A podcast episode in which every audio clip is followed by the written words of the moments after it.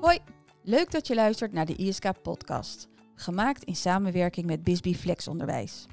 Mijn naam is Tanja Woudenberg, docentenbegeleider bij Bisbee en ISK-docent bij Panterij in Amstelveen. In deze podcast hoor je wat het ISK-onderwijs inhoudt en vooral ook waarom het zo leuk is om hierin te werken. Ik hoop je met de mooie persoonlijke verhalen van mijn gasten te inspireren om als ISK-docent aan de slag te gaan of om een betere ISK-docent te worden. Veel luisterplezier! Een onderwerp waar ik zelf al een tijdje naar uitkijk, want we gaan het namelijk hebben over cultuur, of hoe ze het tegenwoordig ook wel noemen, diversiteit-sensitief lesgeven. En uh, ja, op de ISK heb je te maken met uh, leerlingen met allerlei uiteenlopende achtergronden, uh, verschillende culturen. Dus heel belangrijk dat je daar als docent uh, ook oog voor hebt. En in ieder geval je bewust van bent dat het voor leerlingen soms een hele andere wereld is waar ze in terecht zijn gekomen. En vandaag heb ik twee gasten waar, waarmee ik aan tafel zit om hierover door te praten.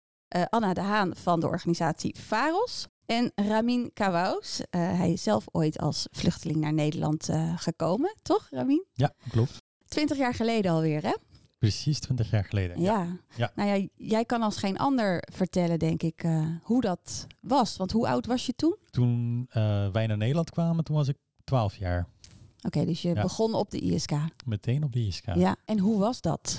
Um, ik keek enorm uh, naar uit om naar school te gaan. Nee, want dit was een periode van uh, onzekerheid. En dan uh, dagenlang dat mijn ouders gehoord werden door IND. En dan wilde ik echt eindelijk, daar was ik gewoon klaar mee. En ik wilde gewoon naar school. Um, en eerste dagen um, op de school, nou, dat vond ik ontzettend fijn. Um, wat ik wel fijn vond is bijvoorbeeld, hey, precies de eerste dag, en daar had ik het ook met jou, Anna, vaker over gehad. Uh, eerste dag uh, herinner ik me nou, meteen muziek. Hè. Ik hoefde niet te rekenen of te leren en dat wilde ik ook natuurlijk. Maar wij begonnen met muziek en dat verraste mij uh, meteen de eerste dag. Dus dat gaf wel een bepaalde warmte of gezelligheid. Absoluut. Ja, ja. ja. onverwacht. Ja, ja, ja, leuk verrast. Ja, ja. ja en wat, wat is je nog bijgebleven van, van die beginperiode? Um, wat, wat, ja, wat echt de grootste ver veranderingen waren voor jou? Um, alle nou, kinderen van verschillende landen en achtergronden. En dat vond ik zo fijn. In de klas had een, een Chinese meisje, zeg maar. Ik had nooit een Chinese persoon gezien, want wij kwamen rechtstreeks vanuit Afghanistan. Vond ik zo leuk. En mensen uit Ghana, Oeganda, Rwanda, Iran, uh, die nou, dezelfde taal als wij spreken. Um, en met net een andere uh, accent. Nou, allemaal zoveel ding, uh, of dingen komt op je af. En dat, dat vond ik ontzettend leuk. Um, en dan ook een uh, nou, docent die uh, nou, ons begeleidt en lesgeeft en, en muziekles. Nou, het, was, het was een heel andere wereld voor een kind die dat nooit eerder meegemaakt heeft. Wist je meteen um, ja, hoe je je moest gedragen of kon je je makkelijk aanpassen aan de nieuwe situatie? Uh, ja en nee. Uh, ja, want het, nou, eerste dagen vond ik het van, ja, nou, hoe ga ik me positioneren precies? Uh, wanneer, wie zegt wat en wat zijn de, de, de, regels? Nou, dat, moet je, dat moest ik gewoon even onderzoeken. maar ik had niet zoveel moeite om een, een gesprek aan te knoppen. En niemand is de taal gemachtigd. Dus iedereen is ook dat zelf aan het onderzoeken. dus het nou, het gevoel dat je niet alleen bent en iedereen heeft met dezelfde situatie te maken, dat had ik heel snel door. Um, maar als je eenmaal zeg maar bezig bent met tekenen en schilderen en muziek, dat vergeet je ook. En dan zie je ook dat iedereen elkaar opzoekt en lacht en, en, en ja, dat het gewoon heel fijn heeft. Uh, ja, dan de rest kwam vanzelf later. Ja, dan komt de ontspanning. Absoluut. Ja. Ja, ja. Dus dan op dat moment ga je je ook gewoon fijner voelen op de plek waar, je, waar je bent. Precies. Ja. Nou, want dat is eigenlijk ook precies waar het om gaat. Hè? Het gaat om uh, welbevinden. Anna, uh, welkom. Jij bent ook uh, aanwezig vandaag. Um, je werkt bij Varos. Kun je een beetje vertellen wat je daar precies doet en wat Varos precies doet? Ja, zeker. Um, Varos is een expertisecentrum gezondheidsverschillen. Um, nou ja, dat betekent dat wij uh, ja, voor eigenlijk alle mensen in Nederland die om wat voor reden dan ook uh, ja, een verhoogde kans hebben op minder gezond oud worden. En dat is zowel ja, fysiek als mentaal, zeg maar. Of waarvoor de zorg minder toegankelijk is. Um, ja, dat we daarvoor eigenlijk van alles doen. En uh, daar gaat het over allerlei, van hele grote landelijke programma's tot wat kleinere uh, projecten. En dat doen we altijd met de mensen samen. Hè. Dus je wilt altijd, wat je dan ook uh, ontwikkelt, wil je altijd echt heel zeker weten dat het echt aansluit ja, bij de mensen om wie het gaat. En ja, onze dat is eigenlijk de profijtgroep, zou je uh, kunnen zeggen.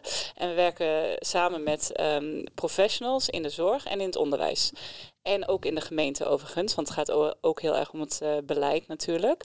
En als je het hebt over de professionals in de zorg en in het onderwijs, dan gaat het heel erg over ja, wat voor dingen kunnen wij samen ook met hen weer ontwikkelen uh, ten aanzien van deskundigheidsbevordering, praktische tools, et cetera, zodat zij ook meer um, nou ja, handvatten krijgen of meer, minder handelingsverlegen worden eigenlijk om met die hele diverse groep aan mensen in de samenleving, ja, om daar goed uh, de zorg aan te kunnen bieden mm. of het onderwijs aan te geven. Omdat heel vaak zijn dat ook mensen die minder misschien op jouzelf lijken of dat je minder vanzelf hè, weet hoe je het gesprek moet aangaan of hoe je moet aansluiten. Dus dat zijn de dingen waar wij ons op richten. Nou, daarom zei ik net al eventjes cultuur of diversiteitssensitief lesgeven. Jij zegt ja, eigenlijk moet het diversiteitssensitief lesgeven zijn, want het gaat niet alleen om cultuur. Absoluut, ja. Het is, um, nou ja, jij noemde ook al, hè, er zit, en Ramin zei het eigenlijk ook al, er zit natuurlijk enorme diversiteit aan leerlingen op de ISK's. Uh, überhaupt in het onderwijs natuurlijk, maar uh, op de ISK's al helemaal. En uh, iedereen heeft een andere culturele achtergrond. Maar er speelt nog veel meer natuurlijk, want elke leerling heeft ook weer een hele andere um, ja, dingen meegemaakt. Of dus twee kinderen uit hetzelfde land kunnen natuurlijk ook weer heel anders zijn. Uh, in wat ze hebben meegemaakt. Of ze eerder gevlucht zijn in het begin van de oorlog of nadat ze al jarenlang oorlog hebben meegemaakt als voorbeeld. Tijdens de reis kun je hele verschillende dingen hebben meegemaakt. Dus het gaat heel erg om um, ja, dat je beseft dat elk kind dus anders is. En, uh, en dat het handig is om te weten wat er in bepaalde landen of culturen Um, ja, wat daar gewoon is. Maar dat je altijd wel checkt bij een kind zelf van geldt dat voor jou ook. En dat er dus veel meer vormen van diversiteit zijn dan alleen die cultuur eigenlijk. Ja. En je, wat ik zelf heel erg merk, is dat je ehm, ja, vooral niet vanuit moet gaan dat wat voor ons gebruikelijk is, dat dat voor leerlingen ook gebruikelijk is. Ja, ja. En dat zit hem soms in hele kleine dingen. Dus ja, wat ik zelf als docent altijd veel doe, is het ja, gewoon aan de leerlingen vragen. Ja. Uh, gaat het bij jullie ook zo? Of uh, wat zijn jullie gewend? Is het anders? Um, en dat zit hem uh, ja, in gewoon de gewoontes en gebruiken, maar ook wat ze gewend zijn qua uh, lesgeven qua onderwijs. Hè. Dat als ik ze met allerlei werkvormen aan de slag zet, dat ze in het begin soms uh, zoiets hebben van, nou maar, uh, u bent de docent en u moet het gewoon vertellen wat we moeten doen. En nu moeten we zelf nadenken en van alles gaan doen. en um, ja, wat, wat wil je van ons? Hè? Soms kun je, nou ja, de paniek in de ogen is misschien een groot woord, maar je ziet soms wel van, oké, okay, dit is echt anders. Herken jij dat ook? Ja, twintig jaar geleden was het Nederlandse onderwijs misschien ook nog wat traditioneler. Ja. Maar ja, in Afghanistan herinner ik me, want ik ben uh, tot vijfde klas uh, naar school geweest en daar is inderdaad gewoon heel anders. Um, dat wordt voor je bepaald. Je hebt ook niet heel veel boeken, dus je hebt gewoon één of twee soort boeken en dan moet je gewoon de opdrachten maken. En in Nederland, dan, dan heb je gewoon uh, nou luisteren en dan lezen en dan schrijven. Um, en die mag ook gewoon best koppig zijn, maar dat had ik gewoon vooral later door. Dus ik was gewoon vooral heel nou ja, zelfverstandig en deed wat van mij werd gevraagd. Uh, maar je krijgt ook heel veel vrijheid inderdaad. Dus wat je zegt, dat herken ik ook wel. Van dat van, uh, aan ons werd gevraagd van, goh, uh, nou als je, het, als je nu ehm, eerder wilt stoppen met, ehm, met, met luisteren, dan mag je verder met, met de opdrachten maken. Ja, dus je kreeg keuzes. Ik kreeg keuzes, precies. Je mocht je mening geven. Precies, ja. ja. ja. En wij, wij, spraken eerder ook met een paar andere oud ISK-lid, ja. zeg maar, Ramin. En dat we toen ook zo natuurlijk de verschillen zagen in bijvoorbeeld jouw ervaringen en van iemand anders. Hè? En dat, dat, dat was dan iemand die voor wie de wereld, voor wie de schoolse setting hier echt zo anders was. Van voor jou was het ook anders, maar voor hem was het nou echt een compleet andere wereld. Überhaupt dat er bijvoorbeeld een vrouw voor de uh, klas stond en niet in een uniform. En dus die jongen had echt heel lang gewoon echt niet echt het gevoel van ik zit op een school. En uh, vroeger moest hij altijd meteen staan als er iets gevraagd werd. En nu als hij ging staan, dan was dat niet de bedoeling en werd dat gezien als uh, lastig gedrag, verstorend gedrag voor de klas bijvoorbeeld. Nou, je dat soort voorbeelden. Ja. Van hoe groot het verschil kan zijn tussen de onderwijssetting die iemand gewend is. En dat je dat dus inderdaad als docent nauwelijks kunt beseffen. Omdat ja, het is heel lastig om te weten hoeveel verschillende onderwijssettingen er zijn geweest eigenlijk. Hè? Dus inderdaad, wat jij ook zegt, gewoon vragen aan iemand. Ja. Van hoe was dat bij jou? Of, uh, ja. En je bent soms zo bezig met die inhoud ook, hè? met dat didactische stuk van wat ga ik vandaag doen? Wat is het doel van mijn lessen? We hebben allemaal fantastische modellen om uh, daar structuur in aan te brengen. ABCD-modellen, directe instructie. Um, maar ja, vervolgens heb je die leerlingen voor je. En, um, en die zijn misschien nog helemaal niet zo ver dat ze uh, zich kunnen focussen op de les die jij hebt bedacht. Dus ja, ik denk dat het begint gewoon met, ja, met die leerlingen in ieder geval uh, uh, in het hier en nu te laten zijn. En, en de ja, dat ze zich kunnen focussen op wat jij, wat jij wilt doen. want wat, wat kwamen jullie in de praktijk vooral tegen, Anna? waar was behoefte aan bij docenten als het om dit onderwerp gaat? Ja, we hebben als VAROS al echt een jarenlange uh, traditie in samenwerking met het nieuwkomensonderwijs en bijvoorbeeld ook met LOAN. En um, nou, destijds, en dan heb ik het echt over uh, 10, 15 jaar geleden, uh, was heel veel behoefte aan juist methodieken over um, ja, sociaal-emotionele ontwikkeling en welbevinden. Dus hoe kun je juist in de klas wel in je lessen maar dus aandacht geven aan emoties, aan uh, iemand um, nou, de tijd gunnen, want dat is voor elk kind verschillend hoe lang die nodig heeft. Uh, om hier echt te laten wennen, um, om een groepsgevoel met z'n allen te creëren, om inderdaad die ontspanning te kunnen geven. Nou, uh, daar was nog vrij weinig voor. Dus vanuit VAROS hebben we uh, meerdere methodieken ook ontwikkeld. Zowel voor het primair onderwijs als het voortgezet onderwijs. Hoe kun je nou wel tijdens je lessen, want dat is natuurlijk belangrijk dat je het niet even één keer in het jaar doet, maar eigenlijk wekelijks dat dat terugkomt van echt aandacht geven aan die emotie, sociaal-emotionele ontwikkeling ook. Hoe kun je leerlingen ook leren om daar taal aan te geven, omdat zij kunnen, uh, ja, zich ook kunnen gaan uiten en dat je als leerkracht ook begrijpt wat daar speelt. Dus daar, uh, dat is hoe Varos eigenlijk begon om ja, voor het nieuwkomensonderwijs dingen te ontwikkelen. En hoe doe je dat dan? Je zegt, ja, je moet eigenlijk uh, dat ja, niet af en toe eens laten terugkomen, maar dat moet gewoon helemaal verweven zijn eigenlijk in je, in je lessen. Maar hoe ga je met andere ogen naar, naar die leerlingen kijken? Ja, dat, daar zijn natuurlijk, um, dat is ook niet 1, 2, 3 gedaan. Sommige mensen hè, gaat dat wat meer vanzelf dan anderen. Maar ik, wij, ja, hoe we nu ook met docenten samenwerken en ook de dingen die we nu aan ontwikkelen zijn, dan wordt het echt heel duidelijk dat het in ieder geval heel helpend is om um, ja, echt goed je te kunnen inleven. Dus echt. Uh, op een of andere manier, dat kan door middel van nou ja, gesprekken gewoon met de leerlingen of met de ouders of uh, filmpjes, hè, interviews zien van leerlingen om gewoon echt te beseffen wat betekent het nou om geheel nieuw ergens te zijn, om bijvoorbeeld een vlucht te hebben meegemaakt, wat natuurlijk niet voor iedereen geldt, hè, daar hadden we het al over, maar die verschillende uh, situaties waar kinderen uit kunnen komen, om die echt te begrijpen, is het heel belangrijk om dat nou, door middel van film, beelden, verhalen te kunnen gaan zien. Omdat je dan echt steeds meer kunt gaan voelen van, oh ja, uh, hoe kan dat zijn voor leerlingen? Dus dat is volgens mij één belangrijk aspect. Mm. Uh, Ramin, had, had, jij het gevoel dat docenten oog hadden voor ja, waar, jij, waar jij vandaan kwam, wat jij had meegemaakt? Ja, ja.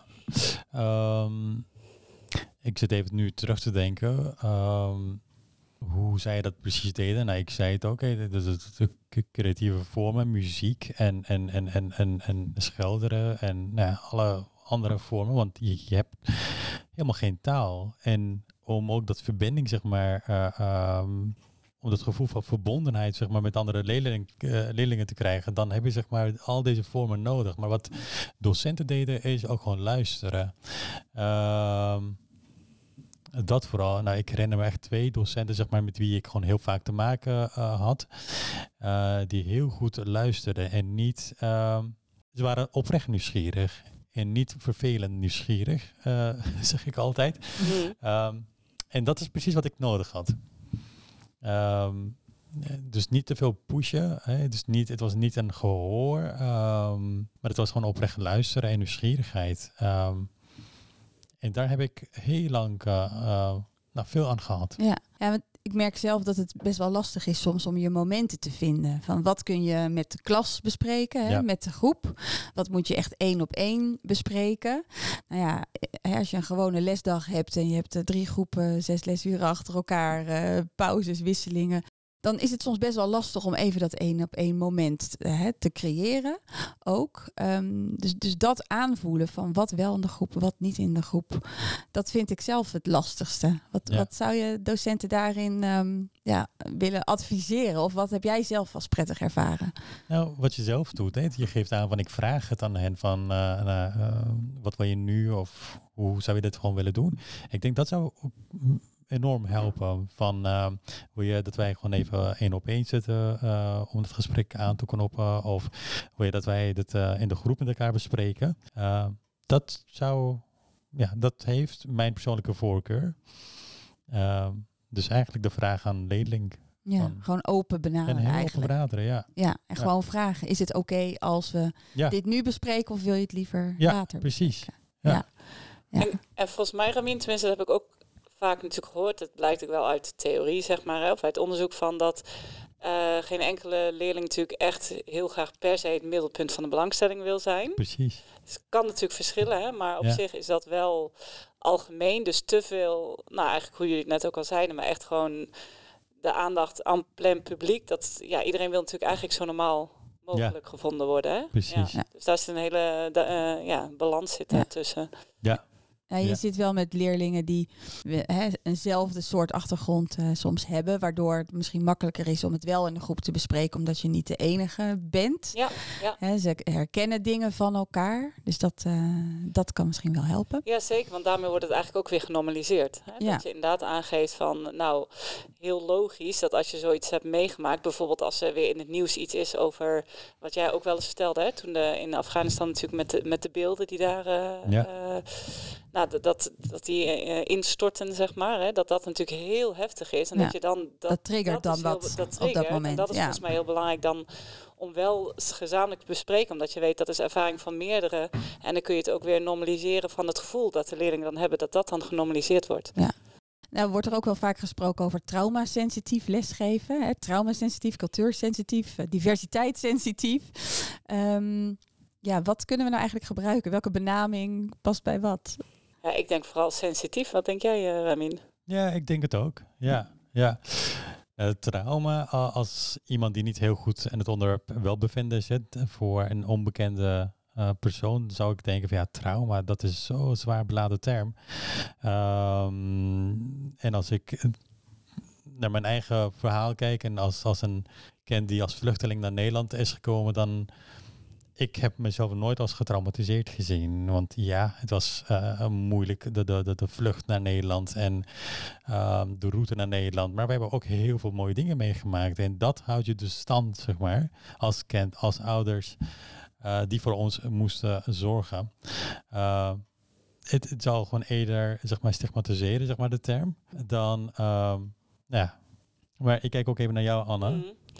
Ik denk, ja, sommige, het feit blijft natuurlijk, sommige kinderen zijn absoluut getraumatiseerd. Hè? Ja. sommige gezinnen ook. Ehm, dus dat is gewoon een feit. En lang niet iedereen is getraumatiseerd. Hè? Dus het, er zit iets eh, tussenin. En ik denk dat het inderdaad heel erg gaat om het woord. Niemand wil ehm, ja, gestigmatiseerd worden. Het woord zelf is misschien ook niet per se dat je dat moet gebruiken. Maar de term traumasensitief betekent natuurlijk dat je als docent uh, ja, aandacht hebt voor wat trauma eventueel kan betekenen en wat dat dus kan betekenen voor gedrag ook weer. Hè? En, als je, en dat is volgens mij wel heel belangrijk, dat als er bepaald gedrag wordt gesignaleerd, heel simpel voorbeeld die ook al heel vaak natuurlijk wordt genoemd, als het alarm gaat op die maandag of als er een, een elektrische puntenslijper wordt gebruikt, ik noem maar iets, dan zijn dat dingen die natuurlijk triggers zijn, potentieel, en die dingen kunnen oproepen bij leerlingen. En als je dan dus niet traumasensitief eigenlijk bent, dan denk je op dat moment wow, wat gebeurt daar? En dan reageer je op dat gedrag.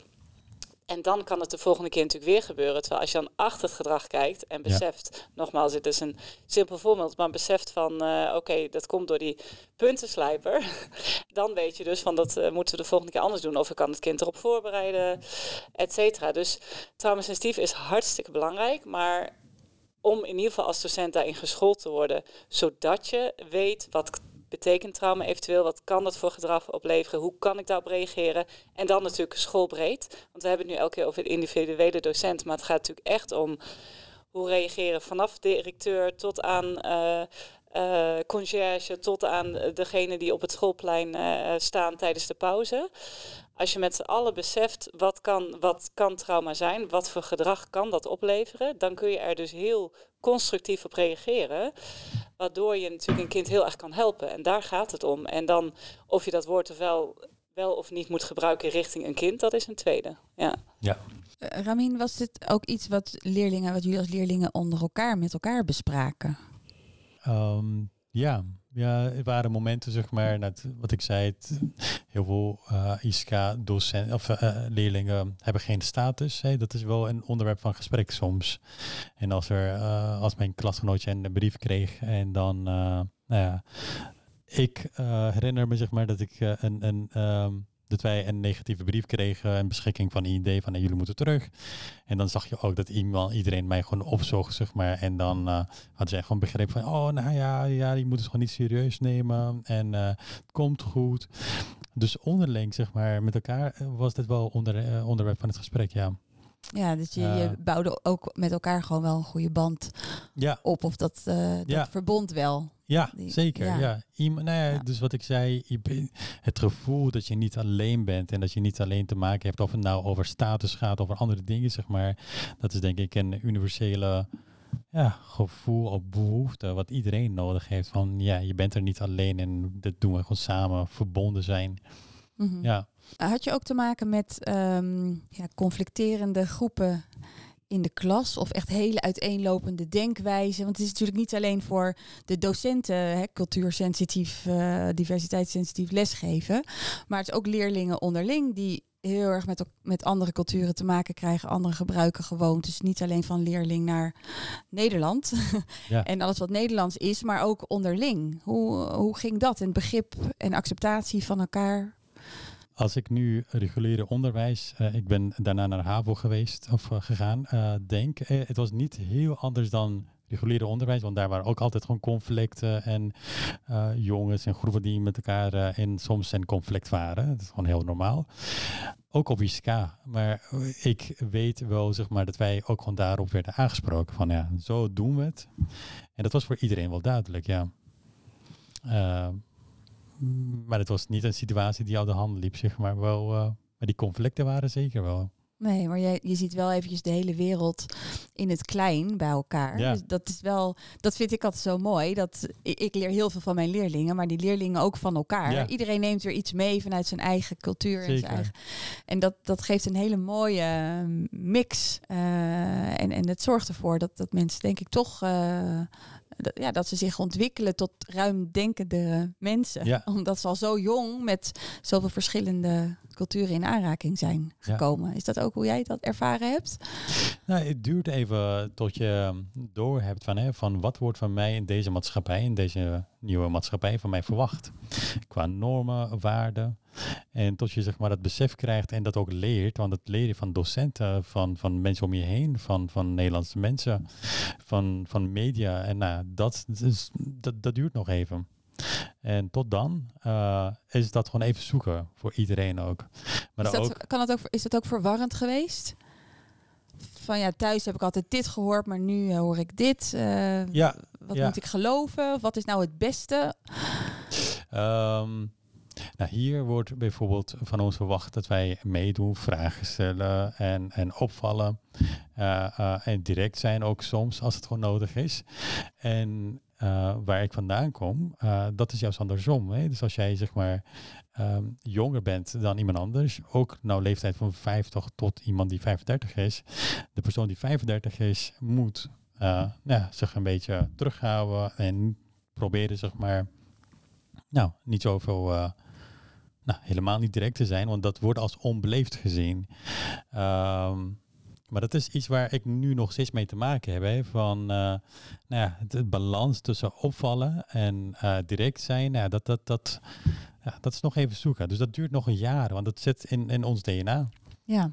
Uh, maar heel veel dingen leren heel snel. Hey, op tijd zijn, uh, komen opdagen, afspraak is afspraak. Dat is wel iets wat ik vrij snel door had en opgeleerd had tijdens de ISK. Um, ja. Ja, dat, uh, en als anders niet goed uh, schikt, dan kwaad schikt waarschijnlijk. Ja. Als je je daar dan precies. niet aan houdt, dan leer je ja. het wel snel. Ja, ja, ja precies. Uh, wat zijn dingen die je echt gemist hebt? Um, nou, daar moet ik even over nadenken. Um, ik denk, de overgang, daar heb ik het ook vaak met jou over gehad, Anne. Overgang naar um, reguliere onderwijs. Dat vond ik heel moeilijk. We werden heel goed, wat ik zei, ik had een heel goede ervaring. Um, dat is natuurlijk heel anders uh, per, uh, per leerling natuurlijk op ISKA. Maar ik had een heel goede ervaring en we werden heel warm ontvangen. En er was continu aandacht voor ons in de reguliere onderwijs. Dat vond ik zwaar in de vorm van... Um, ik was extreem, nee, je wordt extreem zelfstandig en er wordt heel veel van je verwacht. En er is niet iemand die continu achter je aanzet van, uh, nou ja, hoe gaat het? Wat heb je nodig? Uh, is het wel gelukt? Dus de afstand tussen, het lijkt alsof de afstand tussen leerling en docent te, te groot is. Mm -hmm. Dan zit je ook opeens tussen Nederlandse kinderen, die heel anders zijn dan jij. Um, dat vond ik wel moeilijk. Dus, dus wat had jou geholpen in die tijd? Wat mij had geholpen is misschien wel een soort voorbereiding. En, en we deden nou één. Nou, wat ze wel deden natuurlijk, wij uh, volgden één of twee uur per week uh, les op um, uh, reguliere onderwijs, om dat overgang um, uh, makkelijker te maken. Maar dat, heeft, nou, dat was onvoldoende. Ik denk uh, misschien een hele dag of twee dagen in de week zelfs. Dat helpt misschien wel. Ook al zit je daar andere opdrachten te maken, maar je zit wel in de klas. Um, nou, ik zit gewoon even naar. Jij bent de expert, Anne, natuurlijk. Nou, ik was maar, benieuwd, Gemien, had een maatje bijvoorbeeld geholpen? Hè? Want ik weet dat er nu. Um, ja. Er zijn natuurlijk scholen de, de, reguliere scholen waar uh, als je dan vanaf een ISK waar je dan naartoe gaat, die echt ja. dan projecten hebben van dat op die nieuwe school dat dan maatjes worden aangewezen. Ja. Zo van dat in ieder geval een andere leerling zich verantwoordelijk voelt voor die ja nieuwe leerling. Ja. Is, had dat uh, iets? Is Enorm, dat iets, ik, ja. zeker. Ik denk het zeker, ja. Nou, toen ik uh, um, uh, in Vierhavo kwam, um, er was een heel lieve, aardige, empathische jonge Matthijs die nou, meteen klikte en heel oprecht nieuwsgierig was. Nou, waar kom je vandaan? En, en nou, zo begon het ook. Gewoon, het duurde gewoon twee weken. Twee weken vond ik wel moeilijk, maar na twee weken gingen wij in de aula pauze houden. nou, en daarna nou, ik ken hem nu nog steeds. dus in zo'n maatje, zeg maar, dat heb ik dus ietsje later gevonden. Ja. En dat initiatief kwam van hem natuurlijk. Dus ik had geluk. Uh, maar dat heeft mij gewoon daarna alles gewoon makkelijk gemaakt. Ja. ja. Maar ik denk zo'n maatje, wat eerder, dat zou enorm helpen, denk ik. Ja, ja. ja wij zijn zelf, um, ik werk bij Pantarij uh, in Amstelveen. En uh, ja, we zijn een, een VMBO-school met een ISK. Um, dus we zitten eigenlijk al in de situatie dat we met regulier en ISK-leerlingen in één gebouw zitten. En oh, nog steeds is het best wel lastig om echt ja, die integratie op te zoeken. En om die leerlingen veel meer met elkaar te laten samenwerken en te laten uitwisselen. Um, dus wij zijn daar op school ook heel erg mee bezig. Om, uh, we hebben binnenkort een uh, dag van de verbinding, waarin leerlingen samen optrekken. Maar ja, onbekend maakt onbemind, hè, zeggen ja. ze dan. Dus, dus um, ja, je, je krijgt gewoon meer begrip voor elkaar als je ook meer van elkaar ziet en elkaar leert, uh, leert kennen. Ja. Dus ik denk dat dat uh, een hele goede stap is om die overgang wat uh, softer te maken. Want ik denk wel dat, dat veel ISK-docenten, um, inclusief ik zelf uh, ook wel eens, denk ik. Um, misschien te veel geneigd zijn om de leerlingen een beetje met fluwelen handschoenen mm. uh, te begeleiden. Hè? En uh, ook, ook dingen als bijvoorbeeld huiswerk. Of um, ja, daar wordt vaak heel lang mee gewacht voordat daar echt uh, actief mee aan de slag wordt gegaan. En ik denk dan, ja, maar straks moeten ze naar die gewone school. En dan, dan moeten ze in één keer gewoon mee met zoveel verschillende vakken en heel veel huiswerk en qua zelfstandigheid. Dus, uh, dus ik ben wel blij dat jij dat ook erkent. Van die, die overgang is te groot. En dat, dat wij als ISK-docenten ons daar heel erg bewust van moeten zijn. Van hé, hey, het gaat niet alleen om wat wij hier nu aan het doen zijn. Mm. Dat die leerlingen zich fijn voelen. Maar wij, wij, hebben de grote taak om ze voor te bereiden op het gewone leven. Ja. en, uh, en doen we dan de juiste dingen? Ja, om ze die voorbereiding uh, te geven, zodat dat welbevinden goed blijft. En niet alleen op de ISK en dat ze daarna in een gat vallen. Hoe, hoe zien jullie dat, uh, Anna? Want jullie begeleiden uh, vooral docenten die in nieuwkomersonderwijs zitten. Mm. Maar gaat jullie begeleiding ook verder daarna voor in het reguliere onderwijs? Ja, we hebben eigenlijk uh, twee grote programma's. Welbevinden op school voor nieuwkomerskinderen en welbevinden op school regulier, noem ik het maar even. En uh, wat we juist heel graag willen, is ook binnen dat reguliere uh, programma. Dat doen we overigens in samenwerking met het Trimbos Instituut en met Gezonde School. Um, maar in dat reguliere programma zijn we juist ook heel erg bezig um, om veel meer te kijken naar, uh, nou ook daar zit natuurlijk een enorme diversiteit aan leerlingen op zo'n reguliere school.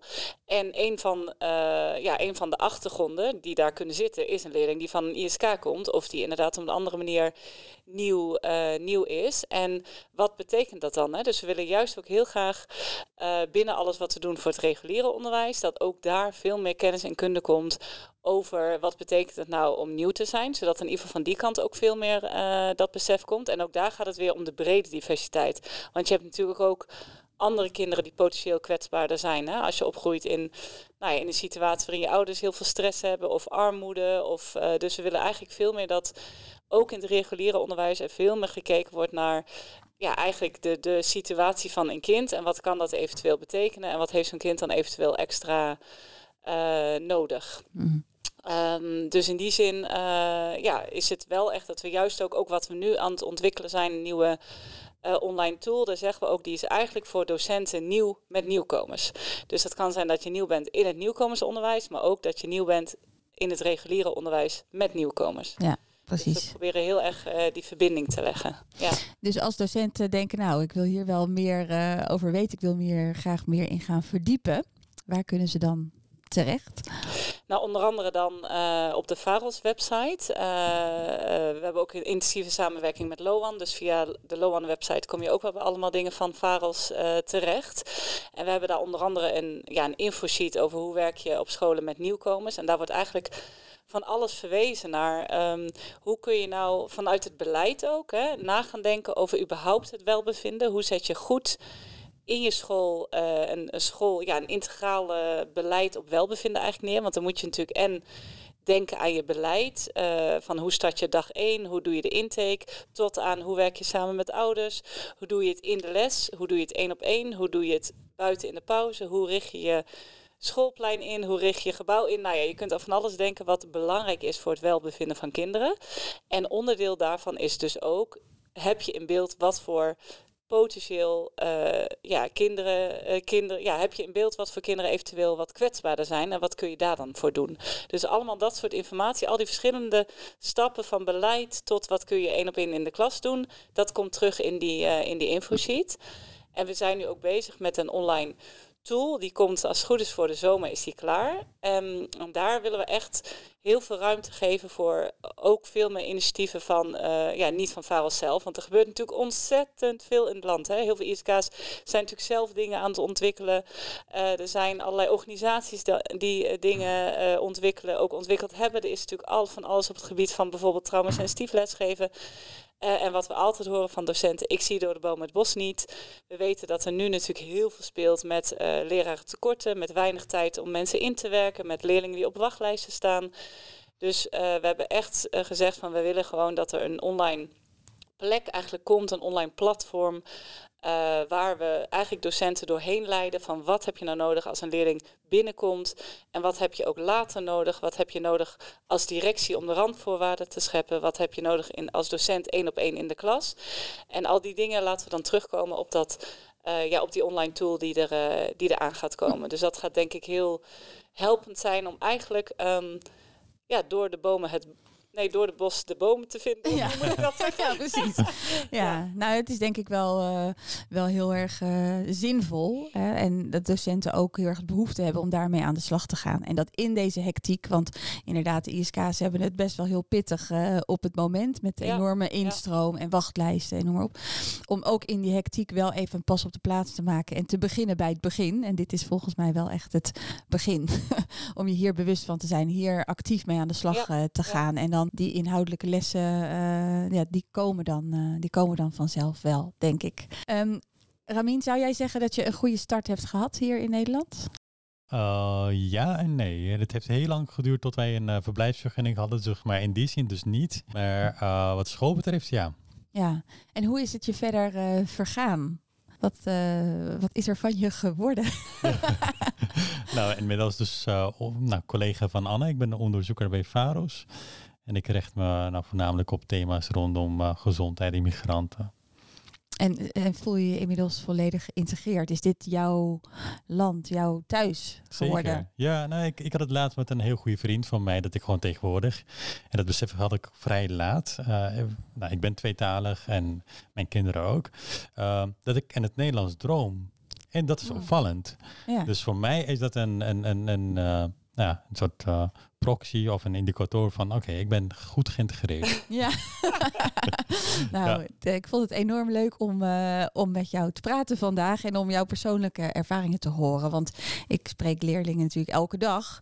Maar eh, ja, dan heb je nog geen idee eh, hoe zij over twintig jaar eh, kijken naar hun ISK-tijd en of zij eh, dingen gemist hebben of niet. Dus eh, mooi om dat van jou eh, te horen. Anna, jij ook eh, bedankt voor vandaag. Ik denk dat het ons een stuk wijzer heeft gemaakt. En ehm, in de show notes kunnen jullie eh, eh, alle informatie vinden over diversiteit, sensitief lesgeven en eh, de programma's die VAROS daarvoor ontwikkeld heeft. Nou, ik wil jullie eh, danken voor vandaag en eh, Ja, succes met alles. Ook bedankt. Dankjewel. Dat is hartstikke leuk.